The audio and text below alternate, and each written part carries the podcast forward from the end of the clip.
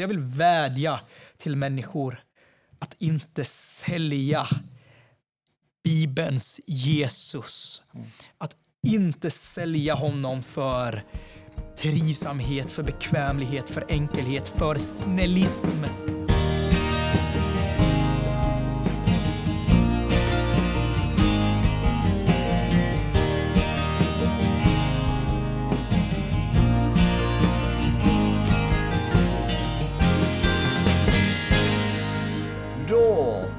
Hälsa varmt välkommen till ännu ett avsnitt av Evangeliet förändrar allt. En podd från Rotan. Eh, Jag heter Joel Magnusson och vid andra micken har vi mannen som måste titta på Facebook mitt under en dopgudstjänst för att inte missa något viktigt. Har jag gjort Ni- det? Nima Motalebzadeh. När har jag gjort det? Det var, det var en meme, eller vad det kallas, en bild med pratbubblor på Facebook som jag såg. Är det sant? Har du inte sett den? Kanske. Det var Jakob Ramlöf tror jag som Är jag memes? Nej, det var nog inte kallas det en meme ens. Ja, kanske. Det var en bild med pratbubblor. Jag tror att det var Jakob Ramlöf som la ut den i något sammanhang. Okej. Och skrev att eh, eh, varför får eh, John Piper mer likes än mig? Eller något liknande. Har du inte sett den? Jo, nu när du säger det så känns det bekant. Är det bra med dig? Eh, tack och lov. Det, det är väldigt mycket som är väldigt bra. Så jag känner mig eh, tacksam.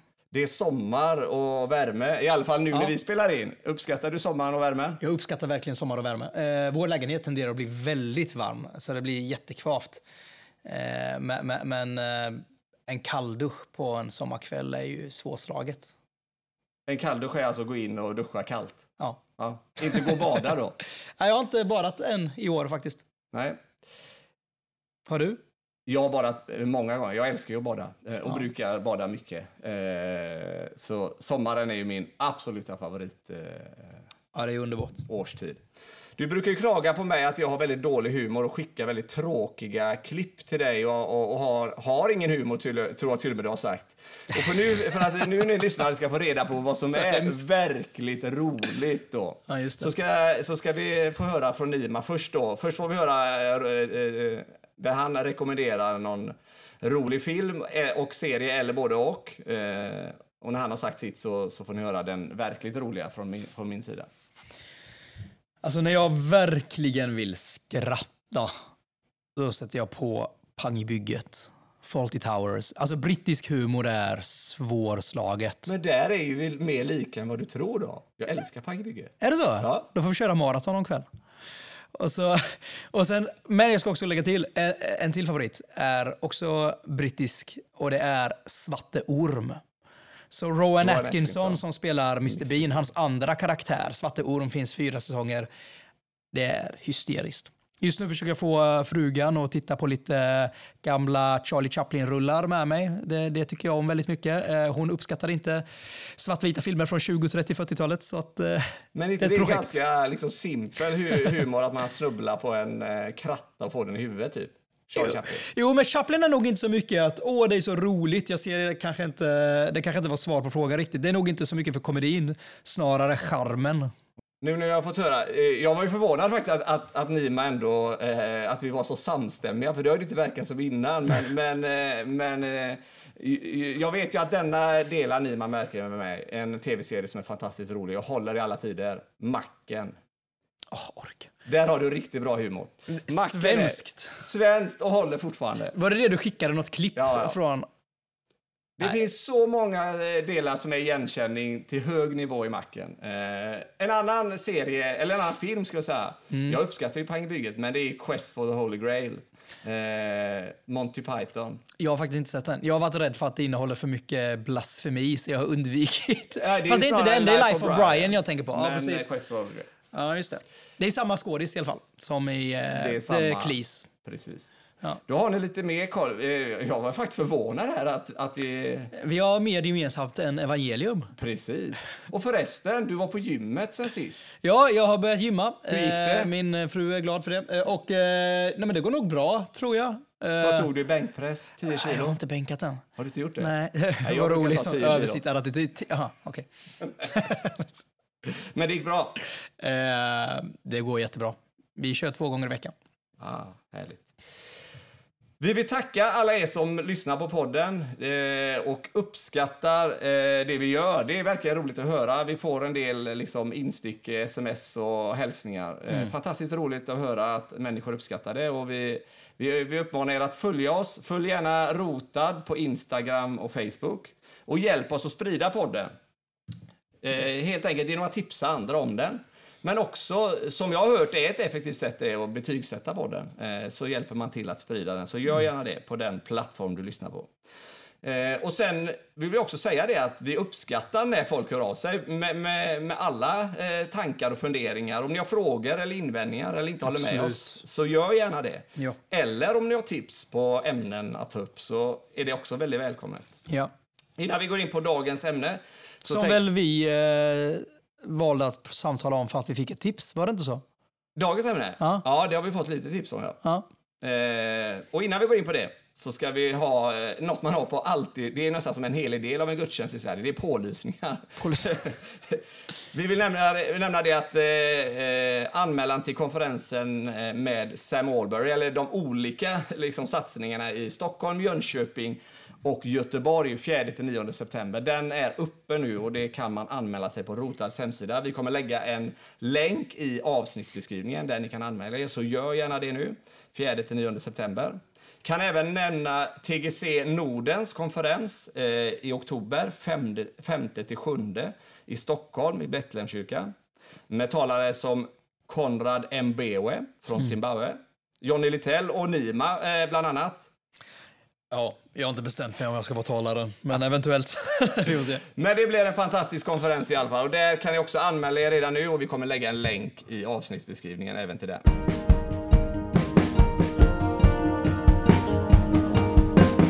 I första avsnittet av podden så berörde vi hur vi kristna är på ständig avdrift ifrån evangeliet och Bibelns sanningar och att vi därför ständigt behöver återvända och återerövra dessa sanningar som annars går förlorade. Och det ska vi tala om i dagens avsnitt. För vi kan både se i kyrkohistorien och den bibliska historien hur Guds folk ganska snabbt avfaller från Guds sanning. Se bara på eh, Israels folk när Mose dröjer uppe på berget så gör Aron eh, guldkalven tillsammans med folket. Mm.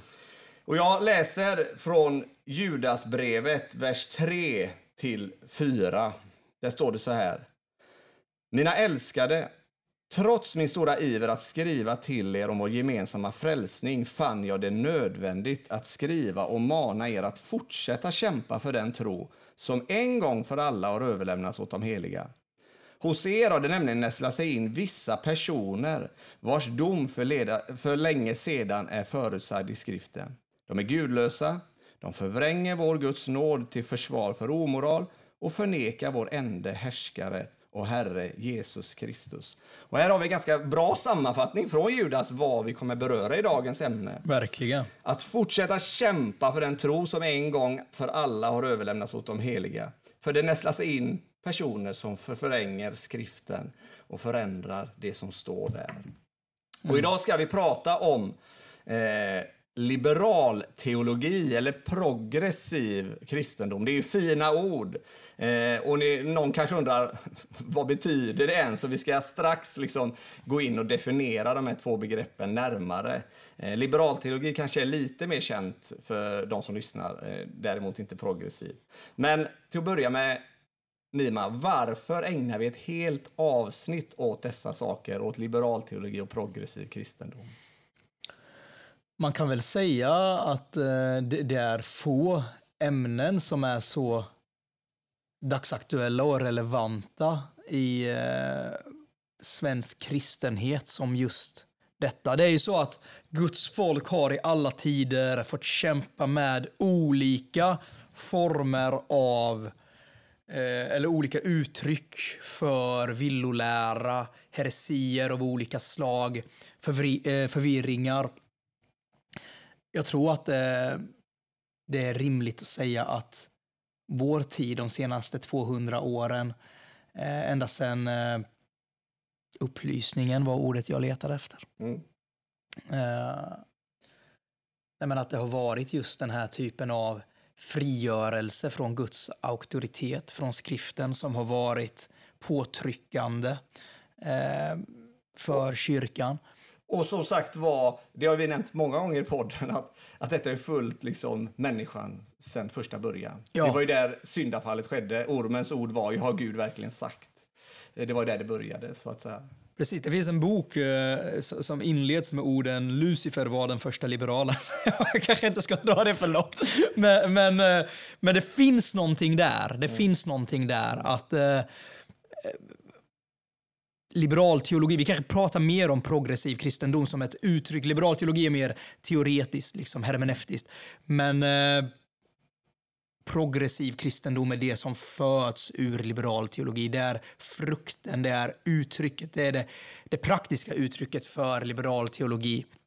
Hur det tar sig uttryck i kyrkan och kristenheten. Och som sagt var att vi talar om det eftersom att vi är på ständig avdrift. Alltså, Ja. Det är inget nytt under solen. Och, och, och nå, nå, något man kan säga är, som, som jag ändå också vill betona är att det här handlar inte om bara liksom rätt eller fel eller vinna i en diskussion eller liksom kunskap och liksom, utan det här handlar ju om liv och död. Det handlar om frälsning och helgelse. Det handlar om evangeliets sanningar som antingen leder till frälsning och liv eller som inte gör det när vi tar bort saker ifrån det. Så kan man ändå säga att det är därför som det är så viktigt att vi talar om det. Eh, för att det, det är mer på spel än bara liksom... Absolut. Jag, jag, jag tänker att alltså, först och främst handlar det ju någonstans om Guds ära och Kristi rykte. Vår, vår, vår eh, Calvin sa att till och med en hund skäller när husse blir attackerad. Skulle jag då inte reagera när Guds sanning attackeras? Så jag tänker att någonstans ytterst sett handlar det om att vår Gud vanäras.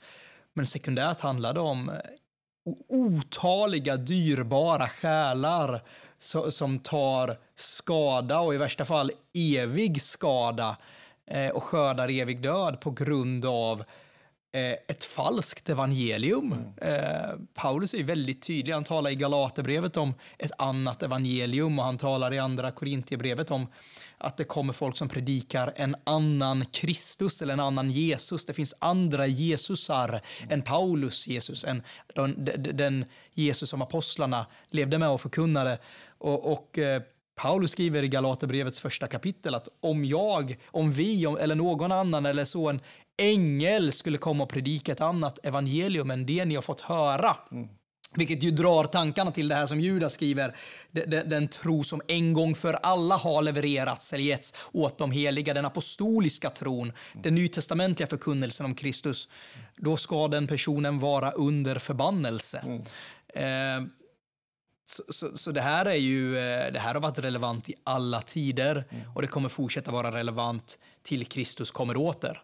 Jag ska också säga att eh, i de här diskussionerna och debatterna i svensk kristenhet som ofta, inte alltid, men ofta tar sig uttryck i form av eh, äktenskapsdebatter och synen på sexualitet och eh, samkönad attraktion och så vidare så låter det på de progressiva men även bland vissa som eh, själva skulle säga att de står för en traditionell äktenskapssyn och så vidare, att det är eh, de som står på en traditionell kristen grund och ha en traditionell kristen äktenskapssyn eller, eller bibelsyn och så vidare, att de splittrar eller att de värdesätter läran mer än enhet och så vidare och det blir samtal om enhet kontra renhet och så vidare. Men skriften säger, om man fortsätter läsa Judasbrevet som du eh, läste från, i vers 17 och vidare så står det, men ni mina älskade ska komma ihåg vad som är förutsagt av vår Herre Jesu Kristi apostlar. De sa till er att i den sista tiden kommer hånfulla människor som drivs av sina gudlösa begär. Det är sådana som skapar splittring, oandliga människor som inte har anden. Men ni mina älskade ska bygga upp er själva på er allra heligaste tro och be i den heliga ande. Och Paulus säger samma sak i Romarbrevet 16, eh, i vers 17 och framåt.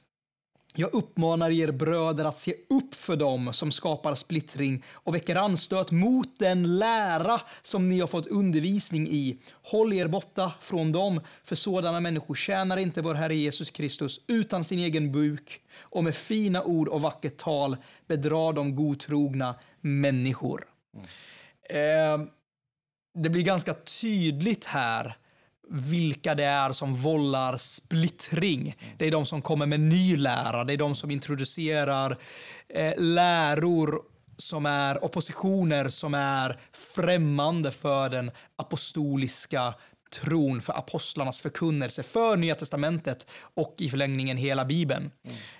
Jag tänker att det är viktigt att samtala om detta därför att det är lätt att tro som, jag vill undvika ord som konservativ och liberal, men, men, men som en pånyttfödd kristen som står på skriftens auktoritet så är det lätt att få för sig att är det jag som bidrar till splittring och inte värdesätter mm. den enhet Jesus bad för. Men Jesus har aldrig bett om en enhet som inte grundar sig på evangeliet, utan all sann kristen enhet bygger på grunden som är Kristus och apostlarnas lära. Och, och det kan man väl också säga, bara för att liksom tydliggöra, att, att det är enhet kring det centrala. Jag vet inte om vi har pratat om det tidigare i podden, men också att, liksom, att man kan dela in vad ska man säga, lärorna i, i vad, ska, vad, vad kallar ja, the, the theological triage. Liksom. Ja, men jag vill inte välja det för att det ska bli så krångligt för lyssnaren. Vad skulle vi... Eh, eh, det, vi kan tala om en teologisk pyramid, eller första gradens, andra gradens och tredje gradens teologiska frågor. Alltså helt enkelt att det finns, det finns centrala delar där vi inte kan tycka olika kring. Inte vi om måste... vi är kristna. Nej, precis. Ja. Och det är dem vi pratar om. När vi gör avsteg ifrån dem så ja. är det allvarligt. Men om man tar dem som ligger kanske på tredje graden, som du sa, eller tredje ja. liksom, området, så, så, så, finns det frågor där vi kan tycka olika och där vi inte behöver vara Absolut. Där det inte har samma avgörande effekt. Visst kan man ändå säga så bara för att... Absolut, man kan säga att första gradens frågor är sådana som om du förnekar dem så är du inte en kristen. Om Nej. du förnekar treenighetsläran, Kristi gudom, Kristi uppståndelse och jag skulle säga Eh, om du säger att, ja, men, eh, att äktenskapsfrågan hamnar inom samma kategori därför mm. att, att säga att det som Gud kallar för synd inte är synd, mm. det blir en fråga om evangeliet självt. Mm. Så det är första gradens frågor. Mm. Andra gradens frågor är sådana som om du förnekar dem så kan vi inte vara i samma kyrka. Det vill säga de är kyrkoskiljande. Dopfråga, ämbetsfråga, kyrkostyre. Delen, liksom. Det är andra delen. Ja. Så, så, vi kan kramas över stängslet, som eh, Mark Dever brukar säga. Mm. Det vill säga vi, vi, vi igenkänner varandra som syskon och vi kan samarbeta på många områden. Men det blir väldigt svårt att vara i samma församling om jag som eh, komplementär och baptist eh, har de positionerna medan någon är spädbarnsdöpare och egalitär exempelvis. Och sen har vi tredje gradens frågor om vilka vi kan tänka olika om inom den lokala församlingen och ibland till och med även inom äldstekåren. Så inom äldstekåren, i vår äldstekår, så tänker vi, det finns tre olika synsätt på tusenårsriket. Ja. Eh, eller, eller på, det, på, på Kristi återkomst. Ja. På tusenårsriket är inte liksom, det är inte, det är inte samma, samma allvar nivå. som när det gäller liksom, eh, treenigheten Nej, eller evangeliet. Precis. För det ligger i, och det är där vi pratar om när avdriften sker kring de sakerna. Mm. Och sen vill vi också liksom poängtera det att att vi har vi har alla blinda fläckar. Mm. Alltså det, och det är därför vi behöver Guds ord för i sådana fall avslöja i våra liv, mig och Nimas liv, om vi har blinda fläckar så vi behöver mm. återvända till det. Om det är saker vi mm. inte ser eller har sett. Eh, så i okunskap ibland så kan vi också handla fel för vi har, vi har inte fått undervisningen som vi bör. Absolut, och jag, och jag, tror att det är en del av anledningen till att det är viktigt att samtala om detta. Eh, för det finns så många människor som hamnar i mitten som känner sig förvirrade. Eh, så, så, det är lätt att slänga med uttryck som jag gör om villolära och heresi. Det betyder inte att alla som eh, inte har landat kring vissa frågor är heretiker.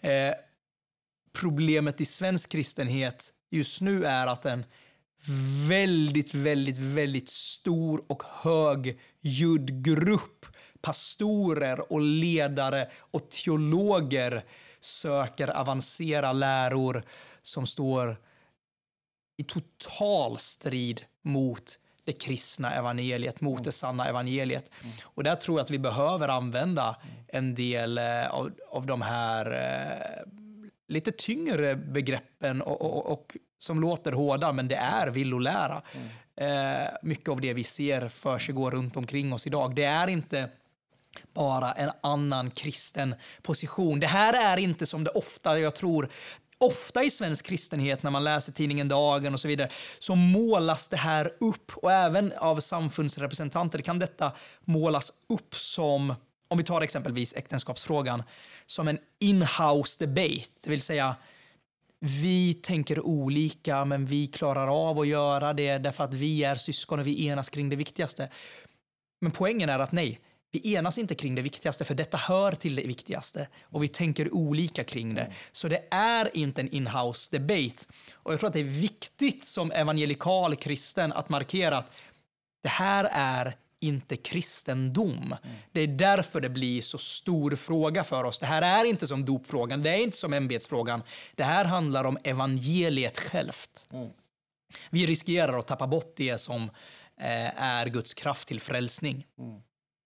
Kan man säga att för att vara en villolärare eh, så behöver man också veta att man talar i strid jag tror inte det. Nej. jag tror att det finns massa framgångsteologer eh, eh, som... som eh, Alltså att man inte... behöver veta sanningen men man predikar en annan sanning. Jag, jag, jag, utifrån Nej. att Jesus... Man kan, vara, man kan vara, det står väl någonstans också de, i Timoteus att de, de själva förledda och vilseledda. Precis. Eller vilseledda det finns flera sådana. Jesus talar om blinda guider som leder blinda. Ja. Så, så en del tror jag verkligen är övertygade om att det förhåller sig på det sättet de tror. Eh, Paulus skriver om folk som är brännmärkta i sina samveten, så de märker inte ens av längre att det de gör, de får ingen syndanöd. Mm. Så jag tror att det finns olika grupper av falska lärare eller av vargar i... Eller det är klart att en... Nej, eh, jag tror att det finns lite åt båda håll. Jag tror att å ena sidan har vi människor som är så djupt förvirrade mm. att de inte inser att de håller på att förleda andra, att de själva är förledda. Men sen så finns det såklart också de som eh, vet fullständigt, liksom, är helt medvetna om att jag förvränger Bibeln och jag är helt fine med det. Mm. Uh, mm. Jag antar att många av dem vi ser i svensk kristenhet faktiskt tillhör den första gruppen. De är inte medvetna om det. De är inte medvetna. Och det är därför undervisning är så viktig. Ja. Men det betyder inte att Gud inte håller dem ansvariga. Nej, nej, och det betyder inte att Gud inte håller oss ansvariga. Och, och, fast han håller också de, de, som känner till sanningen ansvariga Precis. att berätta den. Och jag tror Joel att eh, vi, vi, ska väl gå vidare i samtalet, men jag vill säga detta. Jag tror att det mest akuta problemet i svensk kristenhet, det som gör att jag verkligen har de här frågorna på hjärtat och vill göra det jag kan eh, för att, eh, för att, eh, vad ska man säga, eh, Ja, nu tappar... Upplysa. Upplysa, det låter så pretentiöst. Men, men, men, men, det som gör, får mig att vara drivande ja. i de här frågorna, det är inte först och främst de uppenbara falska lärarna som är liksom så långt åt eh, det liberala man bara kan komma. Liksom. För det är ganska uppenbart. Mitt problem är mer det subtila.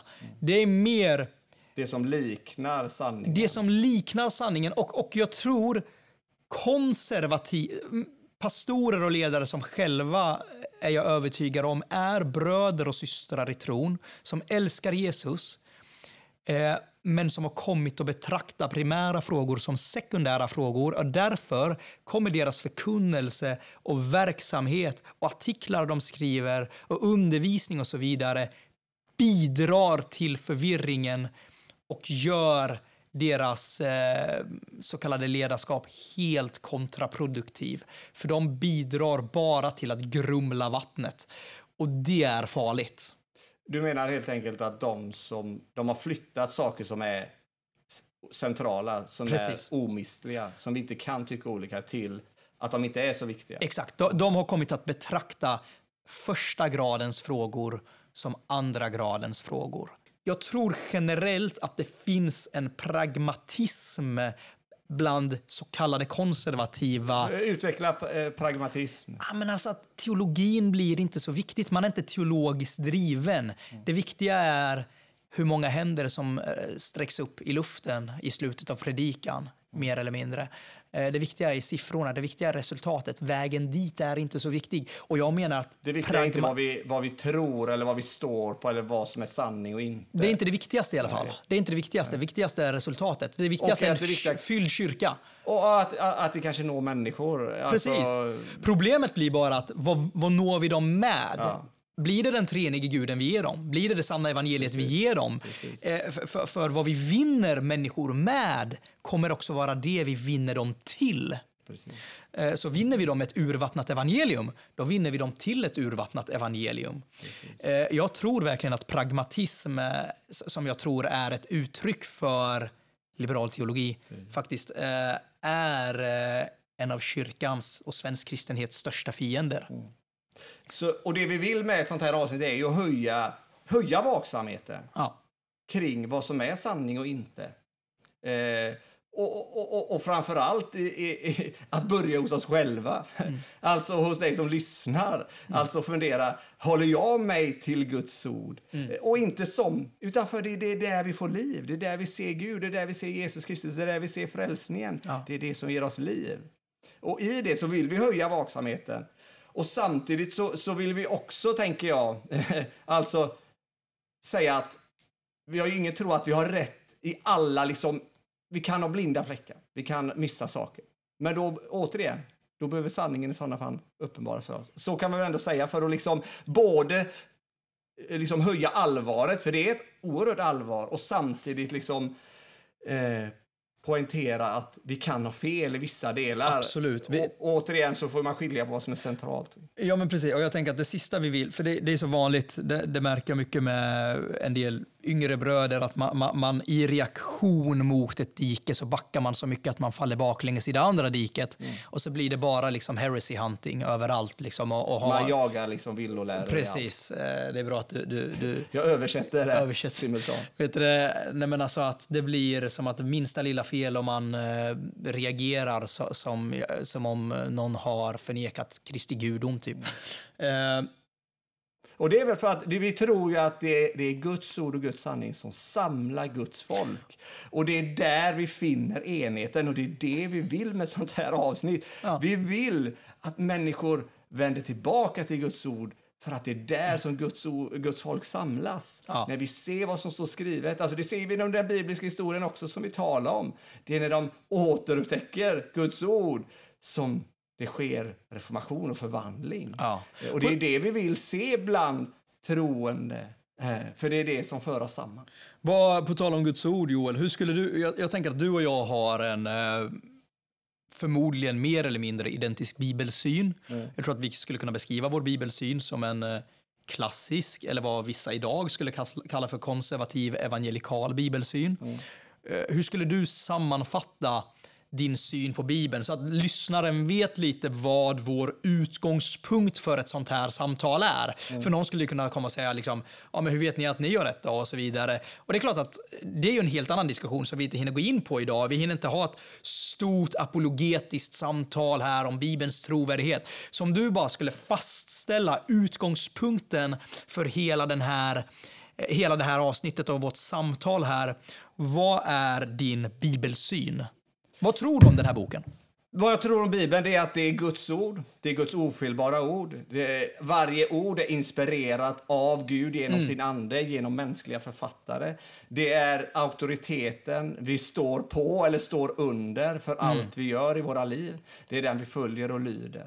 Eh, ungefär så skulle jag sammanfatta det. Jag vet inte om du... Absolut, det var en god sammanfattning. Eh, det är den yttersta auktoriteten.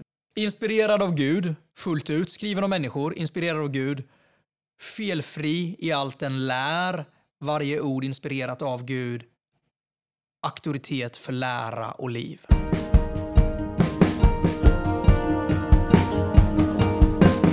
Låt oss då närma oss eh, vad vi menar när vi säger progressiv kristendom eller liberal teologi. Eh, ordet progressiv eh, betyder även framåtsträvande eller positiv till utveckling. Mm. Och jag tänker att redan där så har vi någonting om vad det handlar om. Ordet liberal eh, betyder fri.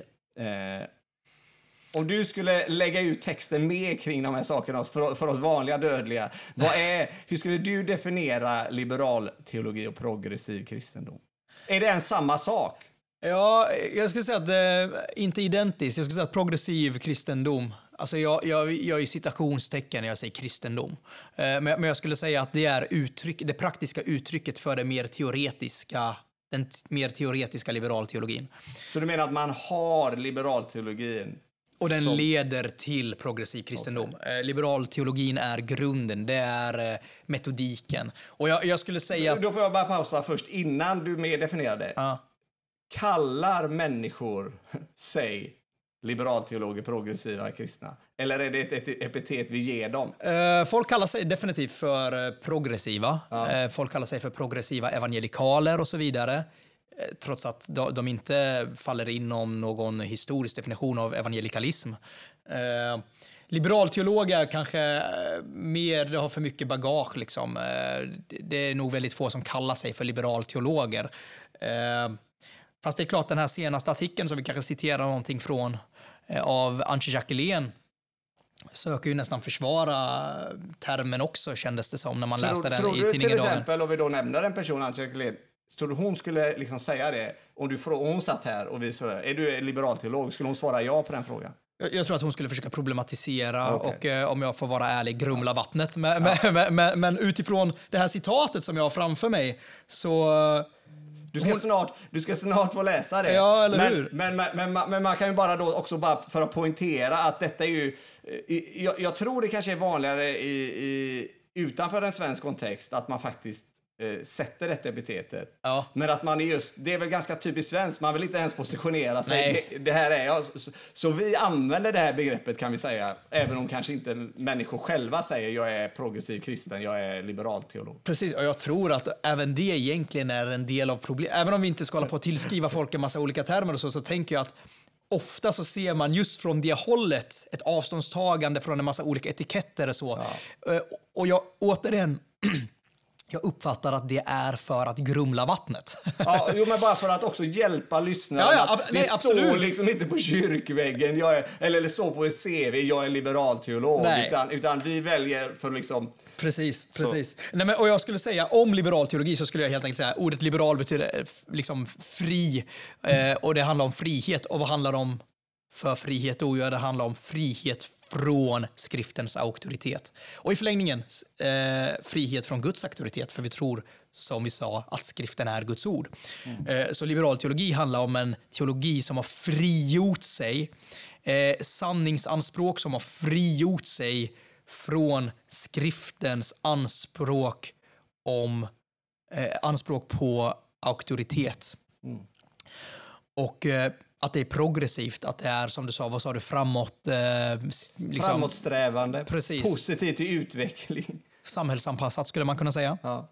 Eh, anpassat efter tiden på ett sätt som jag uppfattar, inte bara, det är klart att vi alla måste kontextualisera och i, i varje ny generation måste fråga sig hur vi bäst tillämpar skriftens eviga sanningar eh, idag. Men progressiv kristendom går ju längre än så och man läser in sin kontext in i skriften och eh, liksom håller löst om, om, om sanningsanspråken i skriften. En debattartikel i Dagen eh, som är skriven för några veckor sedan från, av tre personer från Immanuelskyrkan i Örebro skulle jag säga sätter fingret på detta som vi har talat om här. Eh, de skriver, jag citerar, Vi igenkänner Bibeln som kontextualiserad teologi och inte en samling tidlösa trosatser. Och här är ju fina ord, men alltså att kontextualisera teologi är ju alltså att vad skulle vi förklara det? Alltså, alltså som sanningar som gällde då. Men de säger att det inte är tidlösa sanningar som gäller alltid. Och här har vi alltså det avsteget från Bibeln som en auktoritet. Mm. som alltid gäller. Ja. På ett sätt är det ju ganska uppfriskande citat därför att jag skulle säga att eh, jag, jag tror den raka motsatsen. Jag tror att Bibeln är ett tidlöst dokument. Jesus säger att jorden kommer förgå. Himmel och jord ska försvinna liksom, innan ja. hans ord förgår. Eh, Blomman vissnar och gräset faller av. Eller tvärtom, gräset vissnar och blomman faller av, men Guds ord består för evigt. Precis, det vill säga det där, det där är en direkt eh, attack skulle jag säga mot vad skriften lär om sig själv. Och det är väl där det blir en förskjutning, som jag upplever i alla fall, att, att, att man står på skriften eller under skriften. Ja. Och vi själva möter saker som vi inte skulle tänka, tycka, eller liksom som utmanar vårt tänkande eftersom Gud är Gud. Ja. Och att det skett, skett, en, eh, skett en förskjutning där till att skriften blir mer någon partner, Skulle man kunna säga så? Eller är det för... Ja. Det, jo, men precis. Det, det, blir så, det blir som en, ehm, en bok som vi... Åh, typiskt. Just det, vi måste förhålla oss till Bibeln också. Lite. Ja, just det. Vi måste säga någonting om Bibeln. Trots att vi helst inte skulle vilja göra det. Vilket är djupt ironiskt naturligtvis, därför att eh, jag tänker att en pastor och en församling är kallad till att vara ordets tjänare. Bibeln skapar kyrkan och Bibeln är kyrkans uppdrag och ärende. Att förkunna Guds ord, Guds sanning, Kristi evangelium, Bibeln för världen är det som ger den kristna församlingen existensberättigande. Så för att sammanfatta denna, denna delen är helt enkelt att progressiv kristendom eller liberal teologi rör sig bort från skriftens auktoritet. Ja, man kan säga att där, där legalism lägger saker till eh, evangelium tar liberalism eller progressiv kristendom saker bort från Bibeln. Oftast. Det är ju två sidor av samma mynt egentligen. Det finns likheter, vi kanske inte hinner gå in på det idag. Men, jag skulle säga att eh, liberal teologi är en form av legalism.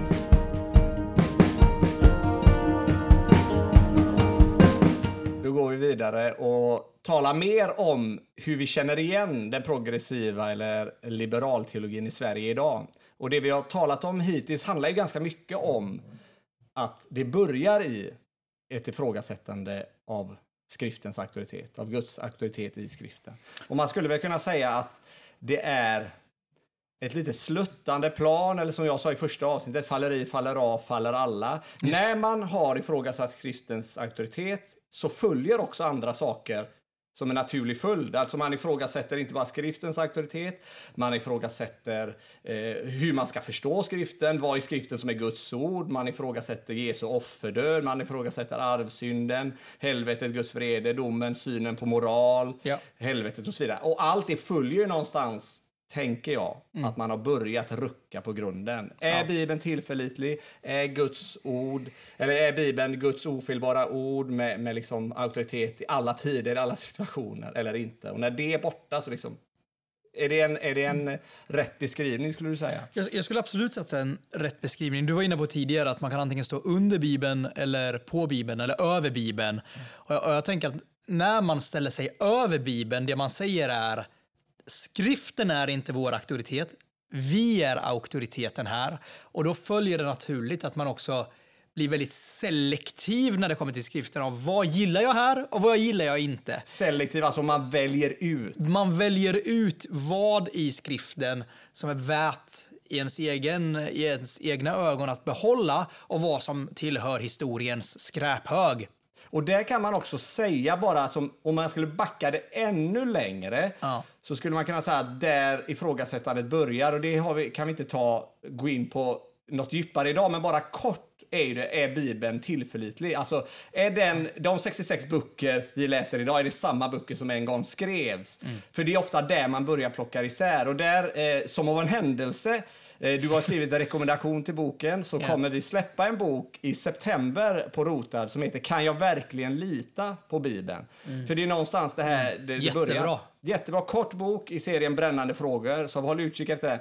Och det är där man kan bara som kort säga att vi kan lita på den bibel vi läser. Att det är samma ord, det har inte förändrats. Utan, och att också kan man säga bara kort att kyrkan genom, alltså redan tidigt efter apostlarnas tid, har sett Guds ord, eller Bibeln, som Guds ord. Ja. Alltså man har kanske haft olika uppfattningar i vissa frågor, men det har funnits en samstämmighet att de här 66 böckerna är Guds ord. Ja. Ja, men verkligen. Och jag tänker, eh, i Sverige målas detta ofta upp som en eh, fråga om eh, bibelsyn. Eh, det vill säga att eh, det blir som att eh, den stora vattendelaren i kristenheten är bibelsynsfrågan. Jag tror att det går ännu djupare än så, men är kopplat till det. Jag tror att bibelsynsfrågan är ett symptom på huruvida det finns andligt liv till grund. Vi läste att Judas skriver, det här är intressant. Och jag, jag försöker inte dra en, alla över en bred kam nu och säga att om man inte håller med liksom, så är man inte kristen. Det är inte det. Men det är intressant att Judas, när han talar om de som inte håller sig till den apostoliska tron och de som skapar splittring, säger dessa oandliga som inte har anden. Mm. Eh, det verkar som att frågan om huruvida man håller sig till apostoliciteten, renlärigheten, är en fråga om huruvida man är bärare av den heliga ande. Mm. Eh, och det var vi inne även på förra avsnittet, att man även kan säga att Jesus är inne på samma i sitt avslutningstal i Johannes 13, 14 och framåt. Att den som älskar mig, den håller mina bud och Exakt. den som håller mina bud älskar Alltså att det finns. Precis. Och det, det blir intressant då, eh, hur man eh, försöker någonstans ifrågasätta skriften. För jag uppfattar att den typ av liberal teologi eller progressiv kristendom vi någonstans eh, vill bemöta handlar ju inte om eh, typ KG Hammar, eller vad heter han? KG Hammar, ja. Precis, som sa att hela Bibeln tillhör typ eh, historiens skräphög, eller vad det var han sa. Utan något, något sånt sa han ja. när han var ärkebiskop. Liksom, ärkeheretiker, det, det är vad det är. Men mer det här... Ett nytt ord. Ärkeheretiker. Det, är faktiskt ett, det finns faktiskt ett latinskt ord för det eh, när man talar om typ de, de, som har blivit huvudmän för olika heretiska grupper, typ Arius, Pelagius och så vidare. De kallas för ärkeheretiker. Så det var inget nytt ord? Nej, men jag, jag, tänkte inte på, det var inte det jag tänkte på när jag använde det. Men eh, jag tänker att ofta handlar det om att man tacklar Bibeln annorlunda. Ett exempel som jag tänker på Joel, så, som är väldigt eh, vanligt förekommande är ju det här som jag skulle vilja kalla för Jesus versus Bibeln. Jesus mm. mot Bibeln. Mm. Där man, och det finns så många problem i detta, flera problem i detta, men där man kopplar, frikopplar Kristus från resten av Bibeln. Mm. Och man kanske skapar motsättningar mellan Jesus och Gud i Gamla Testamentet, eller Jesus och Paulus, eller delar av Jesus och vissa Jesus-ord eh, kontra andra Jesus-ord. Mm. Om man isolerar Kristus eh, från sanningsanspråk i Bibeln som man inte helt enkelt vill lyda eller tycker om. Mm. Eh, och det är ju så att eh, det då blir en annan Jesus helt mm. enkelt. Mm. En Jesus som skulle vara främmande för 2000 års kyrkohistoria, mm. för att inte tala om skriften själv. Mm. Eh, så när man säger att eh, Jesus, om vi, om vi håller oss, detta blir ju väldigt mycket, eh, äktenskapsfrågan är ju så aktuell, det skrivs mm. om det nästan varje dag mm. i tidningen Dagen och Världen idag, samfunden skriver rapporter hit och dit, församlingar lämnar samfund eller, mm. eller eh, liksom anammar en annan syn. Om vi håller oss till äktenskapsfrågan så säger till exempel folk Jesus uttalade sig aldrig om homosexualitet eller om, eh, om samkönad attraktion. Mm. Och jag tänker då, om vi ska ta det exemplet och säga någonting bredare om progressiv kristendom. Mm. Och du får flika in här om du har no no någonting som du tänker här Joel.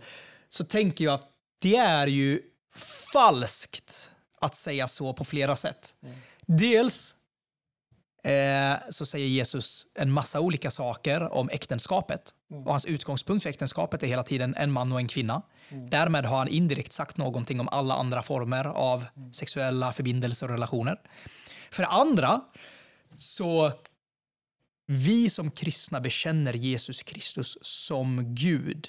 Kristus är Gamla testamentets Gud. Mm. Eh, vilket innebär att Jesus var, som någon predikant sa, inte frånvarande när eld och svavel föll över Sodom och Gomorra. Mm. Han var i allra högsta grad närvarande. Mm. Det betyder också... Och att, man, att, bara som en påminnelse, för det är en vanlig att det är en uppdelning mellan NT och GT, mellan då man kallar NTs gud och GTs gud, att det är olika gudar, även om man kanske inte uttrycker det så. Men att ja. som du säger där, att det är samma gud som sände floden i Noa som också stiger ner över människor Jesus Kristus. Det är inte olika, det är samma. Precis, vilket är intressant, för, för, för hela det här sättet, även om det inte bara är återigen ärkeheretikerna som använder sig av sådana här argument, det avslöjar, att föra sådana här resonemang avslöjar att man har en bild av Jesus som kan spåras tillbaka till den tidiga liberalteologin, mm. där Jesus mer eller mindre blir en god moralisk lärare, en människa, men inte den Gud som uppenbarar sig redan i första Mosebok och, och, och sedan genom hela Bibeln, därför att man isolerar honom från Gamla testamentets Gud. Men, men vi ser också, du behöver inte ens gå till, du behöver inte ens jämföra med Gamla testamentet. Har vi läser vi bara till slutet av Nya testamentet så ser vi att människor gömmer sig för Lammets vrede, det vill säga Sonens vrede. Vi kan tillskriva Jesus samtliga citat som vi hittar av Paulus eller alla andra nytestamentliga författare om vi tror att Bibeln är Guds ord. Mm. Vilket de flesta ändå som använder även sådana här resonemang, Jesus mot alla andra, typ Jesus mot Paulus, skulle erkänna att Bibeln är Guds ord. Mm. Men om Bibeln är Guds ord och Jesus är Gud, då följer det att allting Paulus skriver i själva verket är Jesus från Nasarets egna ord. Mm. Eftersom han är Gud. Eftersom han är Gud. Mm. Så jag, jag, tänker att det är ett sånt här vanligt, subtilt uttryck för hur genomträngande eh, den här bibelskepticismen eller progressiva kristendomen hur genomträngande det verkligen är. Och, och det kan man väl också säga att jag vet inte om de skulle uttrycka det så själv, men att de har en progressiv syn på Bibeln. Och det låter ju lite likt det vi talade om att Bibeln är en stegvis uppenbarelse, men det skiljer sig totalt. För när de ja. progressiva säger att de har en progressiv syn så är det som att i, när Israels folk beskrev Gud och med attribut som inte vi tycker passande idag, om att utrota ett folk och så vidare, mm. så var det en felaktig, en primitiv ja. Eh, förståelse av Gud som egentligen inte är mm. Gud och stämmer. Och idag förstår vi bättre. Mm. Alltså de tänker att det finns en utveckling som att Gud är annorlunda då, eller att man förstod fel helt enkelt. Ja, precis. Och, och det, vi, det vi menar med en stegvis uppenbarelse är ju snarare att vi får en större och större bild av vem Gud är. Inte som att han är annorlunda i Gamla testamentet än i Nya, utan att bilden blir större, Precis. inte annorlunda. Precis, och, och, och jag tror att det är viktigt att lägga till det, jag håller med dig helt och hållet, och det är viktigt att addera till det att vi tror på en stängd kanon, mm. det vill mm. säga vi lägger inte till saker och ting till Bibeln. Eh, Uppenbarelseboken är Bibelns sista bok. Precis. Och Gud har uppenbarat sig själv i den grad han har ämnat att uppenbara sig genom skriften Absolut. för oss. Han gör inte det på annorlunda sätt idag. Men de progressiva har ju även alltså så att det, det sker en utveckling inom kanon. Ja, Som ja. att Gud förändras eller man förstod honom fel och så Precis, det blir människornas bättre. erfarenhet av ja. honom väldigt mycket. Bara för att tydliggöra hur eh, de progressiva eller liberala ser på, på Guds ord så har jag ett citat från jag tror han skulle kalla sig själv faktiskt en progressiv eh, teolog och forskare. Som han är ju före detta evangelikal. Peter Enns. Ja. Är han amerikan eller engelsman? Jag vet faktiskt inte. Äh. Men han skriver så här, jag citerar. Bibeln är en gammal bok och vi bör inte förvånas över att den beter sig som sådan. När vi därför ser hur Gud beskrivs som en våldsam stamkrigare är det inte i verkligheten vem Gud är, utan endast hur han uppfattades vara av de forna israeliterna i deras tid och sammanhang. Det, det finns där ett inbyggt eh, vad heter det, modernt snobberi liksom, som utgår ifrån att vi vet bättre nu. Mm. Eh, men vad är det som säger att eh, om, om 200 år kommer folk inte tycka att Peter Ens är primitiv eller någonting annat. Så det, det blir liksom... tror, tror du inte nästan att han skulle hålla med, eftersom de har en progressiv så tror han nästan Precis, att han jo, skulle hålla med om det. Jo, förmodligen. Och, och, och, vilket gör alla sanningsanspråk helt absurda. Och kan förändras, ja, egentligen. Precis. Eh, på tal om citat så skrev ju den före detta ärkebiskopen i Svenska kyrkan, Sveriges största eh, samfund, kyrkosamfund, så här i dagen för bara några dagar sedan. Hon skrev en artikel där hon eh, talar om sektvarningar och så vidare i, i en debatt med Per Evert som handlar om eh, bibelsyn och förhållningssätt till Bibeln. Hon skrev så här. Det liberala, det frigörande och frihetliga är inte den trogna bibelläsningens motsats. Det är invävt i denna läsning och på många sätt till och med dess syfte till friheten har Kristus befriat oss. Stå fasta därför och låt ingen lägga på er slavoket igen, påminner Paulus. Och så hänvisar hon till Galaterbrevet 5 och 1. Och tro inte annat än att även liberalteologerna vid förrförra sekelskiftet brottades trofast med skriftens ord. Att de hamnade där de hamnade ska inte förstås som lättfärdighet utan som ett seriöst försök att göra Jesus känd, trodd och älskad i en tid som var präglad av rationalism. När människor hade fått svårt att ta till sig berättelser om under och de mystiska dragen i evangelierna hamnade fokus istället på Jesus enkla lära. Citationstecken. Vi kan ha våra tankar om hur lyckat det var, men att avfärda liberalteologerna som slarviga och icke-bibeltrogna är inte rättvisande. Det här är jätteintressant verkligen. Hon skriver, tro inte annat än att även liberalteologerna vid förrförra sekelskiftet brottades trofast med skriftens ord och att de hamnade där de hamnade för att de gjorde ett seriöst försök att göra Jesus känd, trodd och älskad i en tid som var präglad av rationalism. Samma teologer som faller inom den kategori hon beskriver här förnekade Jesu gudom, det vill säga att Jesus var Gud, att Jesus var jungfrufödd, att Jesus levde ett syndfritt liv, att Jesus dog ett ställföreträdande död, att Jesus uppstod fysiskt att Jesus ska komma tillbaka igen.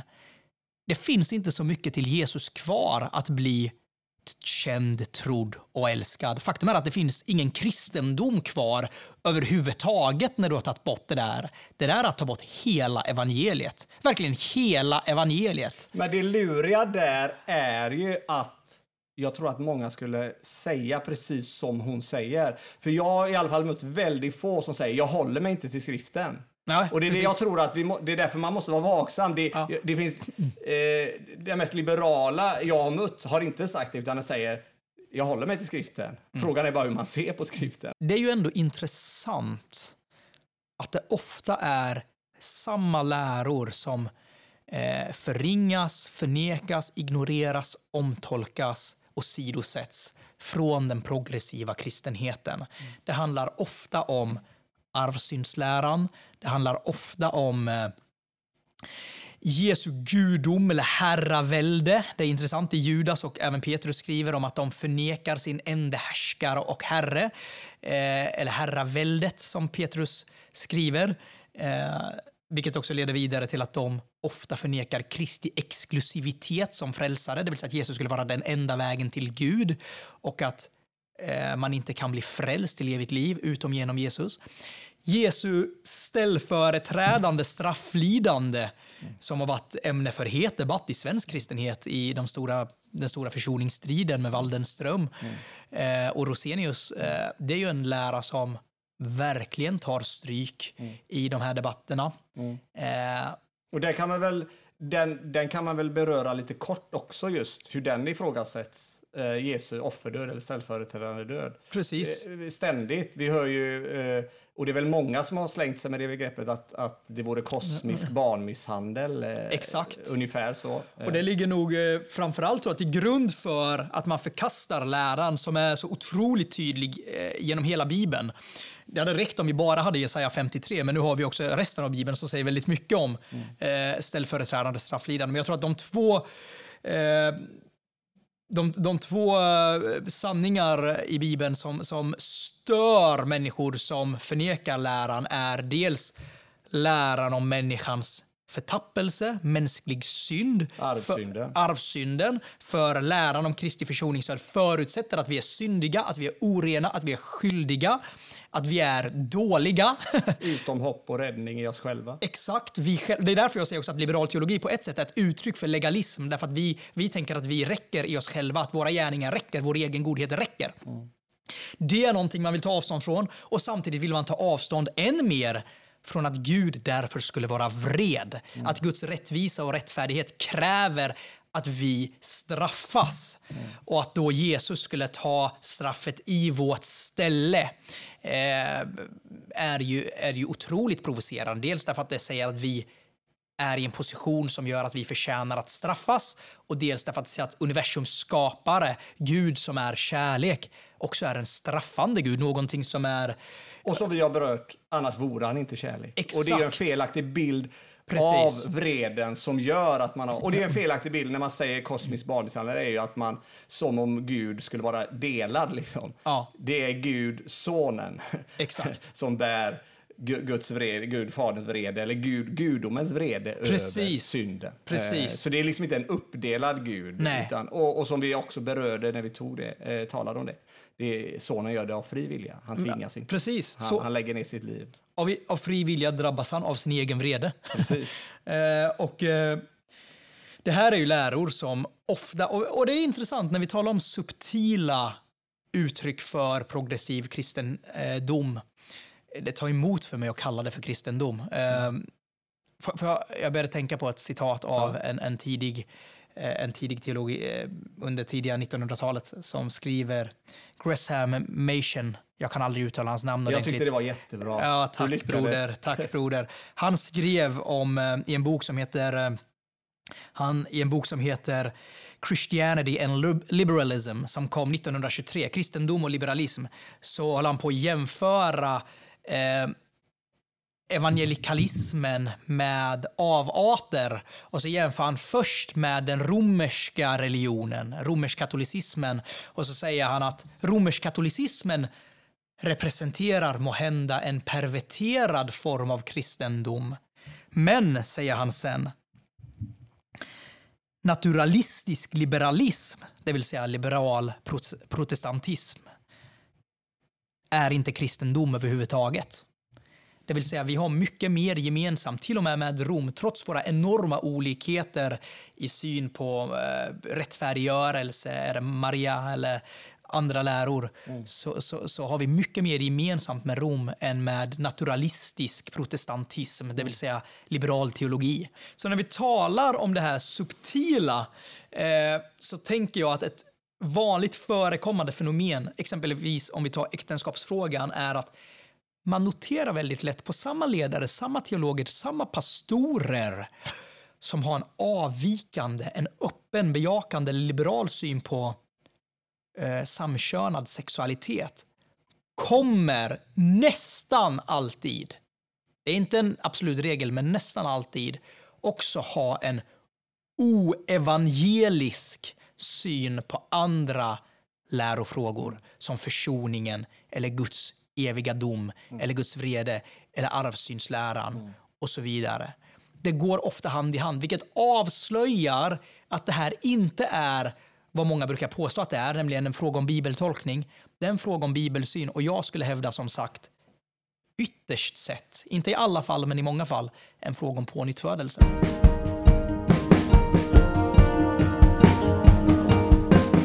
I det sista kapitlet, i sitt sista brev, Du fick du väldigt mycket Jönköpingsdialekt.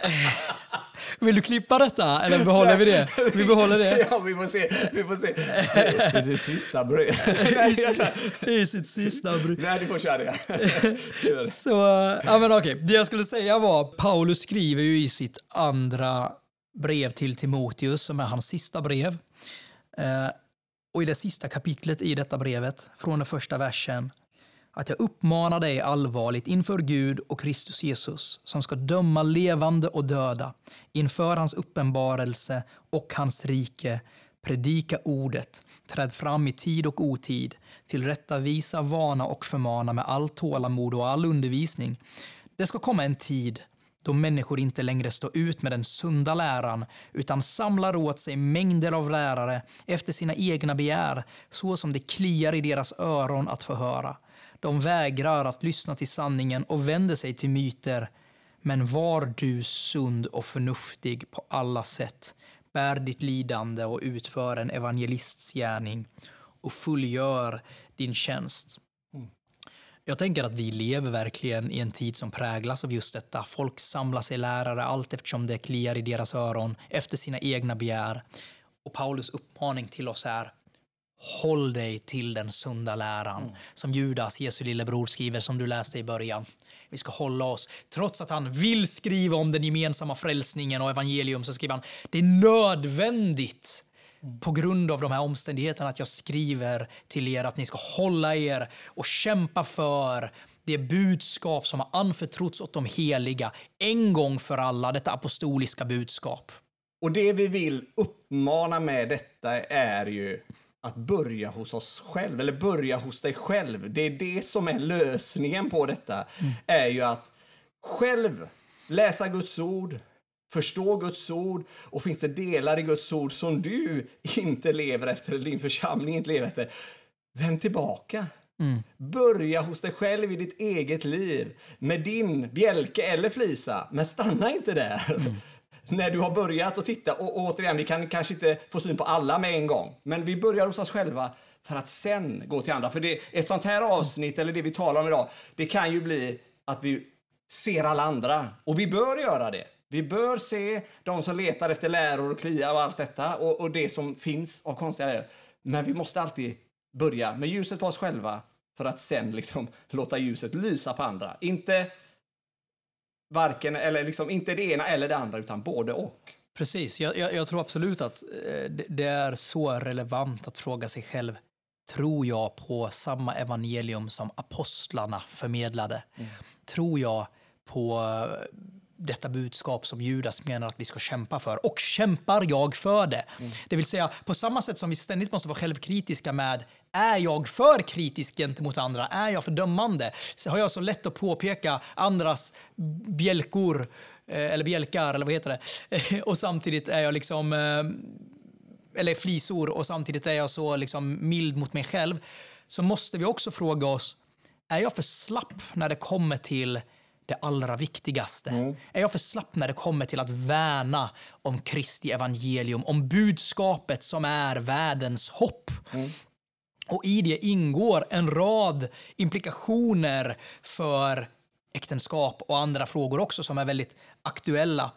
Ehm, jag tror också att det är viktigt att fråga sig, tillhör jag en lokal gemenskap som älskar evangeliet och predikar evangeliet. Mm. Men vi kommer att prata mycket mer om detta i ett senare avsnitt ja. när vi kommer prata om eklesiologi och eh, den lokala församlingen.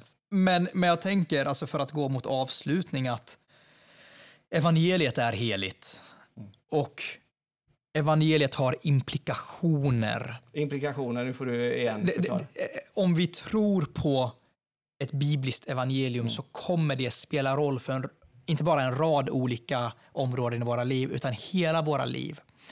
Och det, det där är en sån sak som, som eh, John Piper eh, liksom var väldigt talande för mig och hjälpsamt. Är att han sa att Bibelns läror är inte som jag tror pärlor på en, på en eh, på en sträng, jag på att säga, på, eller på ett, eh, på ett tråd, utan mm. det är som kättingar, alltså kättingar som hakar Just i varandra. Det. Just det. Och när vi, när vi tar en av liksom kätting, nu kommer jag inte ihåg vad de heter, mm. så, så lossar flera andra. Alltså, ja, och evangeliet är ju den absolut grundläggande, när vi lossar den Det blir en dominoeffekt liksom. Och, och, som vi har talat om, faller i, faller Precis. Faller uh, jag gillar det citatet. Ja. Um, du kan tillskriva det mig. Ja, mm. jag får börja göra vi det. Vi skulle gå ner för landning. Vi skulle gå ner för landning. Eh, vi, vi, vi har, det känns lite som att vi kanske har varit all over the place här, för det finns så otroligt mycket att säga. Ja. Och det finns många namn jag, det kanske är i köttet, skulle vilja nämna här. Därför att, därför att jag uppfattar att det sker så mycket just nu i svensk kristenhet med sammanhang efter sammanhang, församling efter församling, teolog efter teolog, pastor efter pastor, som som ger vika på grundläggande, fundamentala, första gradens frågor. Och det finns så otroligt mycket att säga. Det kanske är överflödigt, för jag tror att de flesta som lyssnar på podden kanske hänger med lite i vad som händer i svensk kristenhet.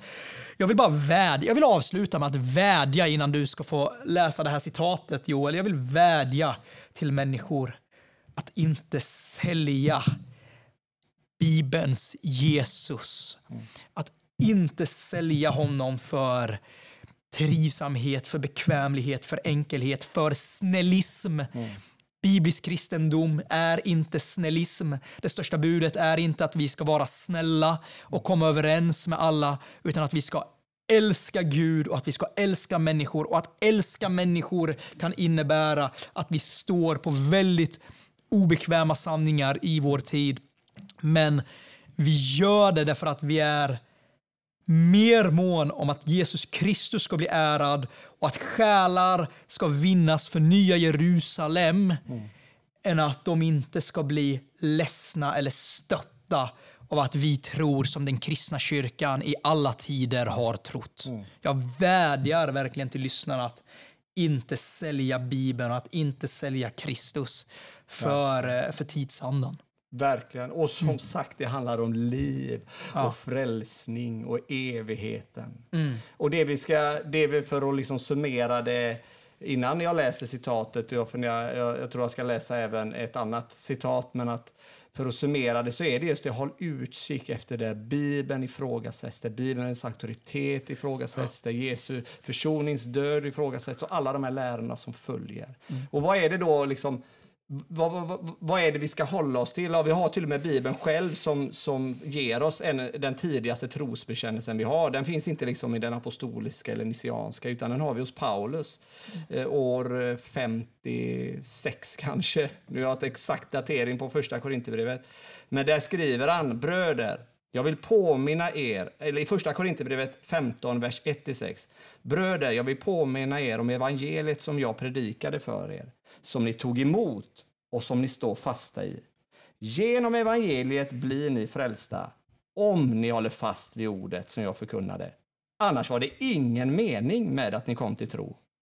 Jag förde vidare till er det allra viktigaste, vad jag själv har tagit emot. Att Kristus dog för våra synder enligt skrifterna, att han blev begravd, att han uppstod på tredje dagen enligt skrifterna och att han visade sig för Kefas och sedan för de tolv. Därefter visade han sig för mer än 500 bröder på samma gång och så fortsätter han. Det allra viktigaste, det som vi måste hålla fast vid, det som vi måste fortsätta kämpa med. Kristus dog för våra synder, han blev begravd och han uppstod. Att han är Gud som blev människa. Detta är den tro som en gång för alla har överlämnats åt de heliga. Och det är det Judas menar när han skriver att vi ska komma ihåg vad som är förutsagt av vår Herre Jesu Kristi apostlar. Detta är det apostoliska budskapet. Precis. Det är eh, vår livlina. Den världskände ate- ateisten Christopher Hitchens intervjuades en gång av en amerikansk tidning. Och det här citatet hämtar jag från en bok som heter Another Gospel av Elissa Childers. Jag översatte själv så det kanske blir sådär. Men han intervjuades i alla fall angående hans motstånd mot religion och särskilt den kristna tron. Och den som intervjuade honom noterade att den kristna tron som Hitchens ifrågasatte, det var en fundamentalistisk tro eh, inom citationstecken. Men så förklarade hon som intervjuade att hon istället identifierade sig som liberal kristen. Så förklarade hon att hon inte tog berättelserna i skriften bokstavligen, att hon motsatte sig försoningsdöden och hon frågade därefter Hitchens om han då såg en skillnad mellan en fundamentalistisk tro och en mer liberal. Och då var hans svar som är något förvånande, alltså från den här ateisten, då säger han så här och jag citerar. Om du säger att du inte tror att Jesus från Nasaret var Kristus och Messias och att han uppstod från de döda och att vi kan få våra synder förlåtna genom hans offerdöd, då är du i verkligheten inte någon meningsfull betydelse en kristen. Det säger alltså ateisten Christopher Hitchens. Då är du inte i verkligheten i någon meningsfull betydelse en kristen. Då tackar vi för den här gången och eh, ni får ha en god sommar. Eh, och vi uppmanar er som sagt var, följ oss eh, på sociala medier och eh, gilla oss och allt vad man kan göra och, och hjälp oss att sprida podden. Och missa inte dina gudstjänster under sommaren.